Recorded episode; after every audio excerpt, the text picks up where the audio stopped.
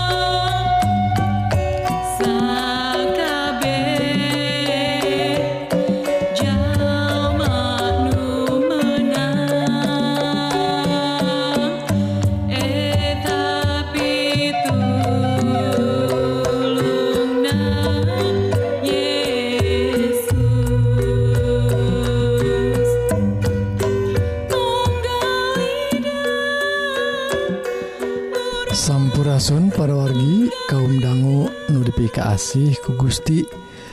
Rohang kasehatan dinten I judulna manfaat sarapan. Nah, ayah 10 manfaat sarapan kanggo awak urang. Tangtos nawae perwargi manfaat sarapan kanggo awak urang ite tangtos nawae sarapan nah sarapan anu sae sarapan anu bergiji. Nyata lamun tostina jenis na sae tak iya manfaat manfaat na nukahiji paragi tiasa masihan energi anu luwih luwih seueur.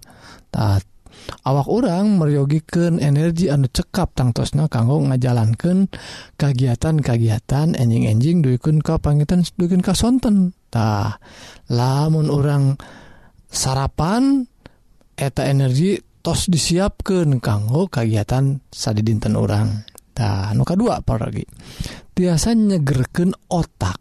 Tak manfaat sarapan tiasa oge.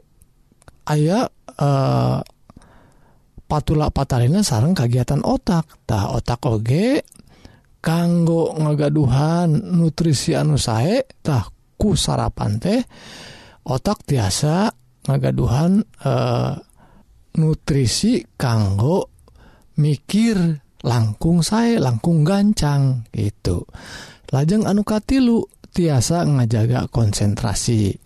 Tuh ku sarapan anu teratur mah tiasa ngomean kemampuan mikir orangtah tiasa ngajaga awak orang atau otak orang oge fokustina ngalampahkan kegiatan-kagiatan pada melan orang dinasa di tenak lajeng anuka opat parorgi tiasa nyegah panyawat mah. Tuh amun sarapan teratur unggal enjing tiasa ayat tuangentah lambung orang teh keusian tuangan dugiken tiasa nganetralisir asam lambung. Tak lambung la ari lambung lami teing kosong tiasa ngakibatkan karaosna perih lambung urang teh. Sareng tiasa ngakibatkan nyeri mah. tah panyawat mah pergi lajangan nuka lima. Tiasa nyehatkan tangtosna nyehatkan awak orang tak sarapan enjing-enjing tiasa ngajantankan awak orang nyingkahan kolesterol. Tanaon sababna? Kulantaran ku sarapan iya teh tiasa ngadorong metabolisme awak orang dugiken ka produksi enzim anu ningkatkan kolesterol teh tiasa ngirangan. Dah eta maksana lajeng anu kagenep. Tiasa nyingkahan tuang anu untuk kontrol tah lamun sarapan enjing-enjing perorgi tangtos nawae orang henteu ngaraos lapar teuing ke siang teh. Tapi lamun orang teu sarapan pergi waktosna tuang na tuang engke siang teh porsina teh langsung nga gunungtah pibahayaun ongko kadang-kadang mau ditambihan deh tambihan camilan-camilan. Eta nu ngajantenken tuang orang teka kontrol. Ngajantenken eh, obesitas. Nah, nuka 7 parodi. Tiasan nambihan not nutrisi sarang meningkatkan energi awak orang tak sarapan anu saya tiasanya diaken proporsi asupan eh, sasaran total nutrisis kanggo sapanjang dinten. Paragi anu tangtosna saya pisan. Kanggo nyekapan kebutuhan kebutuhan boh zat-zat besi serat sarang vitamin.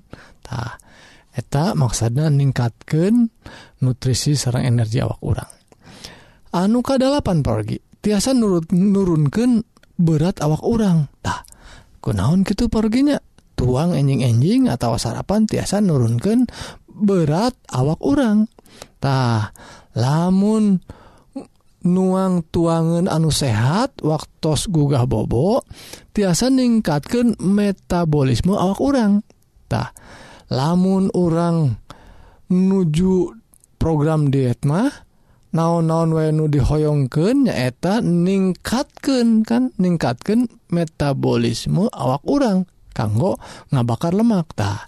Danten waktu dipasihan tuangan enjing-enjing etak ningkatkan metabolisme awak orang dugiken katiasa ngabakar lemak nu aya oge nuka nu kasalapan parogi koordinasi awak orang teh langkung saya ta. Da amun jalmi gerak teh parogi panangan soca kup uh, uh, uh, kuping orang sarang segala rupi dina alat-alat gerak urang teh ayaah koordinasinatah lamun tuang saya sarapan teratur koordinasi awak orang teh langkung saya perogi itu. Tak kanggo perwargi nungagaduhan masalah tina keseimbangan awak orang tiasa diomean ku ngalampahkan sarapan anu teratur unggal enjingtah lajeng anu pamungkas parogen ka 10 tiasa ngirangan resiko stres. Tuh ruina parogi lamun orang e, ngagaduhan patuangan anu kosong enjing-enjing padahal kegiatan orang sadi dinten teh seuur tiasa waeng esok ngadadak e, numpuk. Gitu oge cuaca atau di jalanan anu macet ngada ngajantankan orang strestah lamun orang ngagaduhan at kegiatan anu teratur kanggo sarapan tak eta tiasa ngirangan resiko stres eta. Tah mugi-mugi pergi pelajaran anu saya iye jantan berkah kanggo ningkatkan kesehatan orang sadaya. Amin.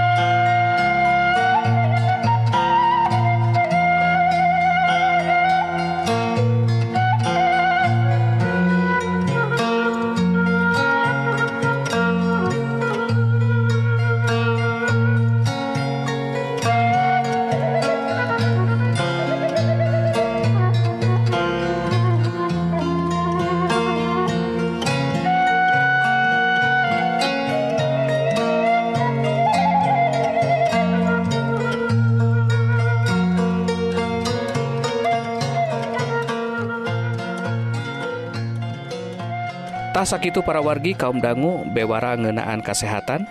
Mugi-mugi para wargi diberkahan ku Gusti dipaparin kekuatan sareng kesehatan jiwa sareng raga kanggo lumampah sareng midamal pada malan sadi dinten sekali Dei upami para wargi ngaraos diberkahan Atanapi ayah patarosan tiasa ngontak Kasim Abdi Dina serat email nyaeta bewara pangharepan at gmail.com atau ngontak karena nomor HP atau WA WhatsApp Dina nomor 08 hiji salapan hiji salapan 227 5 hiji dalapan Mugia urang tiasa saling nguatkan Dina nandangan hirup anu campuhku hal-hal duniawi Mugia urang tiasa ngengingken hirup anu pinuh kuka tentreman dilebet Isa Almasih anu kawasa di dunia jeung akhirat.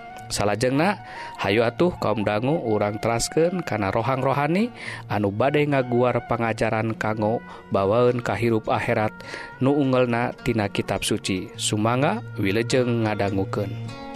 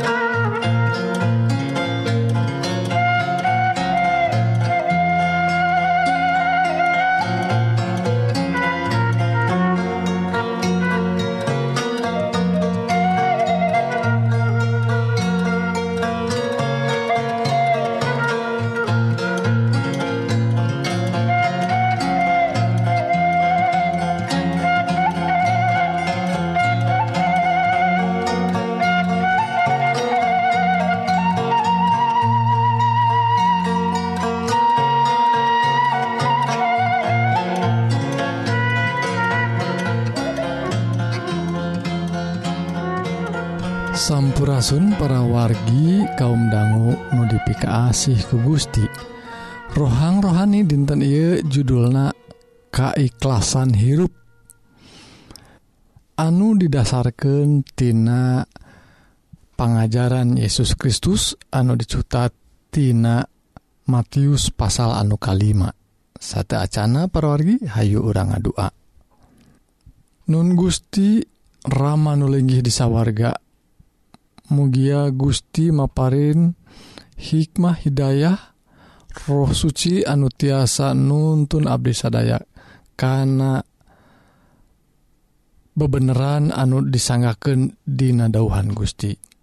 Mugi Gusti maparin Abdi sadaya. Kekuatan kesehatan gitu oge maparin kekuatan kanggo ngawujudkan dauhan-dauhan Gusti. Ia pidua disanggaken Dina asmana Yesus Kristus juru salamet dunia. Amin. Parwargi kaum dangu nudipika asih ku Gusti judul atau tema kaikhlasan Sarlers nama seerpisan kecap-kecap kaikhlasan atau ikhlas Dina dauhan Gusti Dina kitab suci urang.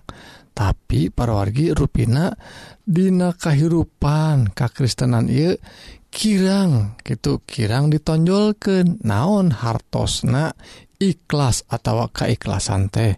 Ruina jeruk pisan parwargi ia makna na ya, ia hartosna naon dimaksudkan ikhlas Dina kehidupan orang teh. saat Acana Hayu parogi orang ngadangguken dauhan Gusti nyata Nudi sanggaken ku Yesus Kristus waktu Anjena nyebatkan Dina khutbahna anu disebatkan di Bukit Jetun Dina pasal kalima Matius disebatkan ayat tilu Bagja jelema anu ngarasa jiwana miskin. Bagja jelema anu sedih prihatin. Bagja jelema anu rendah hate Bagja jelema anu kacita hayangna karena ngalampahkan pengersalah Bagja jelema anu karunyaan. Bagja jelema anu hatena mulus bersih. Bagja jelema anu resep ngupayakan karukunan. bagja jelema nudikaniaya ku sabab ngalakonan pangersalah. Bagja maraneh lamun dihina-hina ditengtenganen diomongken jeung digogoreng ku batur. Lamun dikitu kieu sing bagja sing bunga sabab geus aya piganjarenana anu gede tisa warga parwargi ku update. disebatkan secara utuhnya secara lengkap anu disebatkan Dina Matius pasal 5 ia tapi ku Abdi disebatkan bagja-bagja anu kitukil maksudnya parorgi disebatkan contoh nawai bagja jelema anu sedih prihatin. Bagja jelema anu dikaniaya nah disebut bagja anu karar itu tehtah ia perwargi anu kedah di jeroan ke urang. maknana hartosna kanggo kehidupan orang nah Gusti Yesus nyebatkan nu serupa gitu teh kedah bagjatah tangtos nawae ia hiji panyauran Gusti kau orang supados orang hirup dinakatan teman hidup hirup na orang hirup anu pasrah nyata ikhlas teh hirup orang tak orang disaurkan jantan Pangiring Gusti anu ngiringken karena kehidupan anu saya anu dipikanya aku Gusti. Kumaha sakeddahnatah Ayeuna orang ngaos Ibrani pasal 10 ayat 22 anu aya kecap ikhlastah ku sabab eta hayu urang sing deket ke Allah.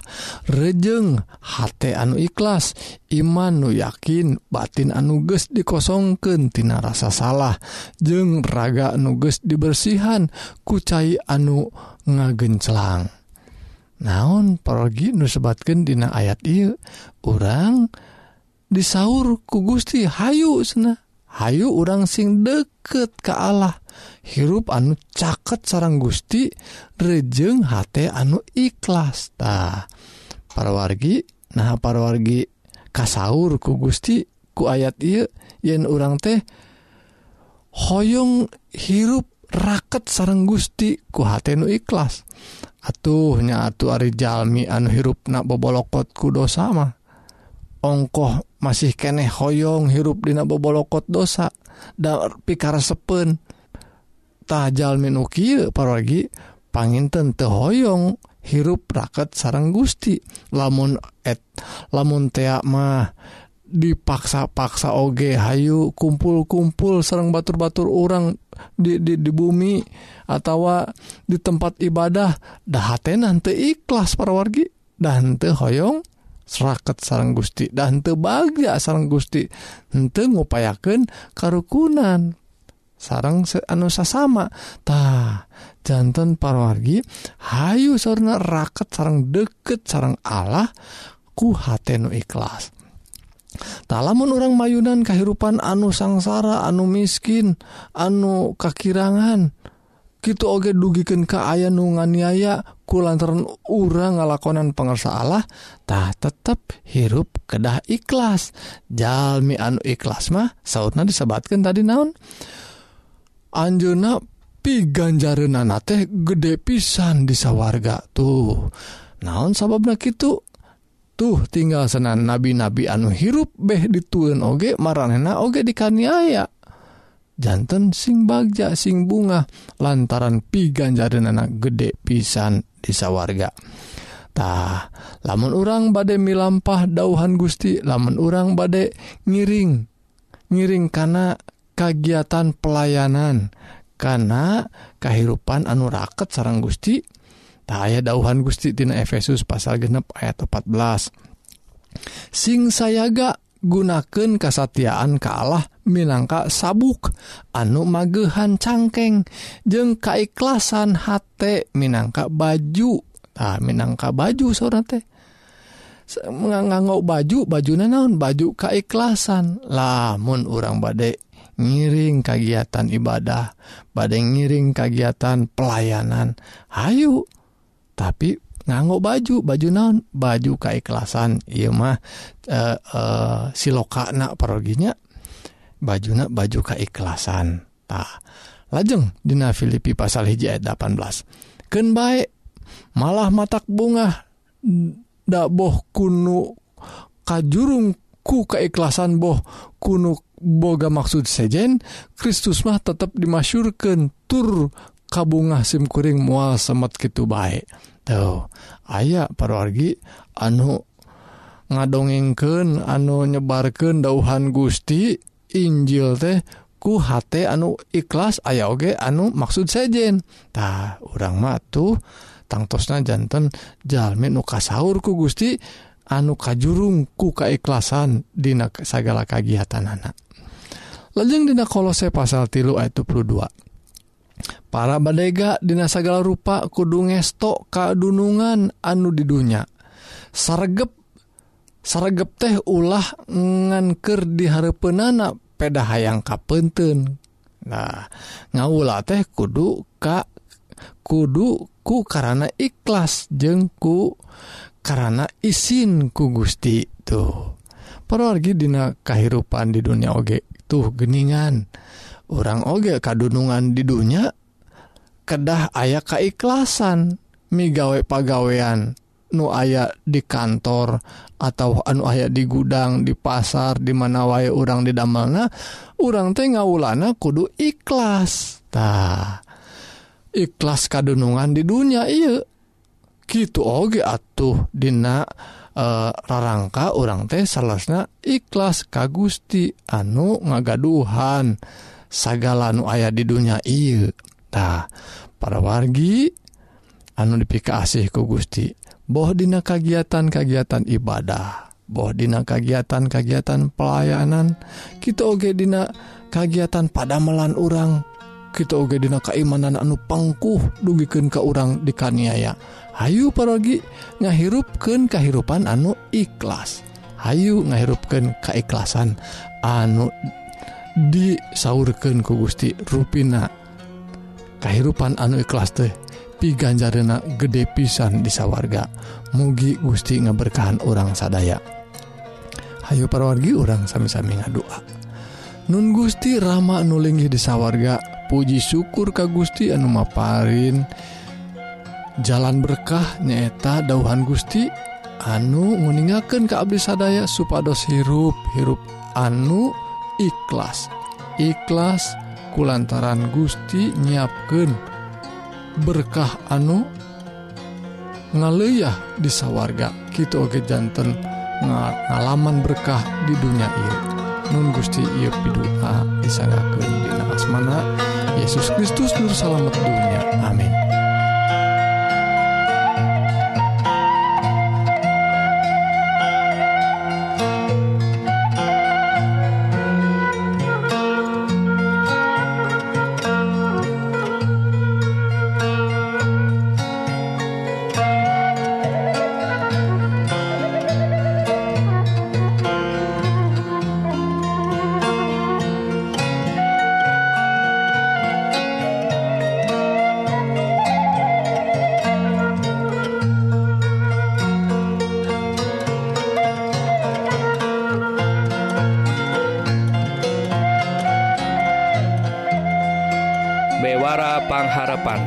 Tasak itu para wargi bewara rohani dinten I mugi-mugi para wargi sadaya ngaraos diberkahan sarang ngalaman hirup anu tengrem saparantos ngadanggu dahuhan Gusti nu pasti mual ingkar dina nedunan Jangji Jangcina janjina upami para wargi Hoong diajar dauhan Gusti nu langkung jero tiasa ngontak Kasim Abdi Di serat email nyaeta bewarapanggharapan@ gmail.com atau ngontak.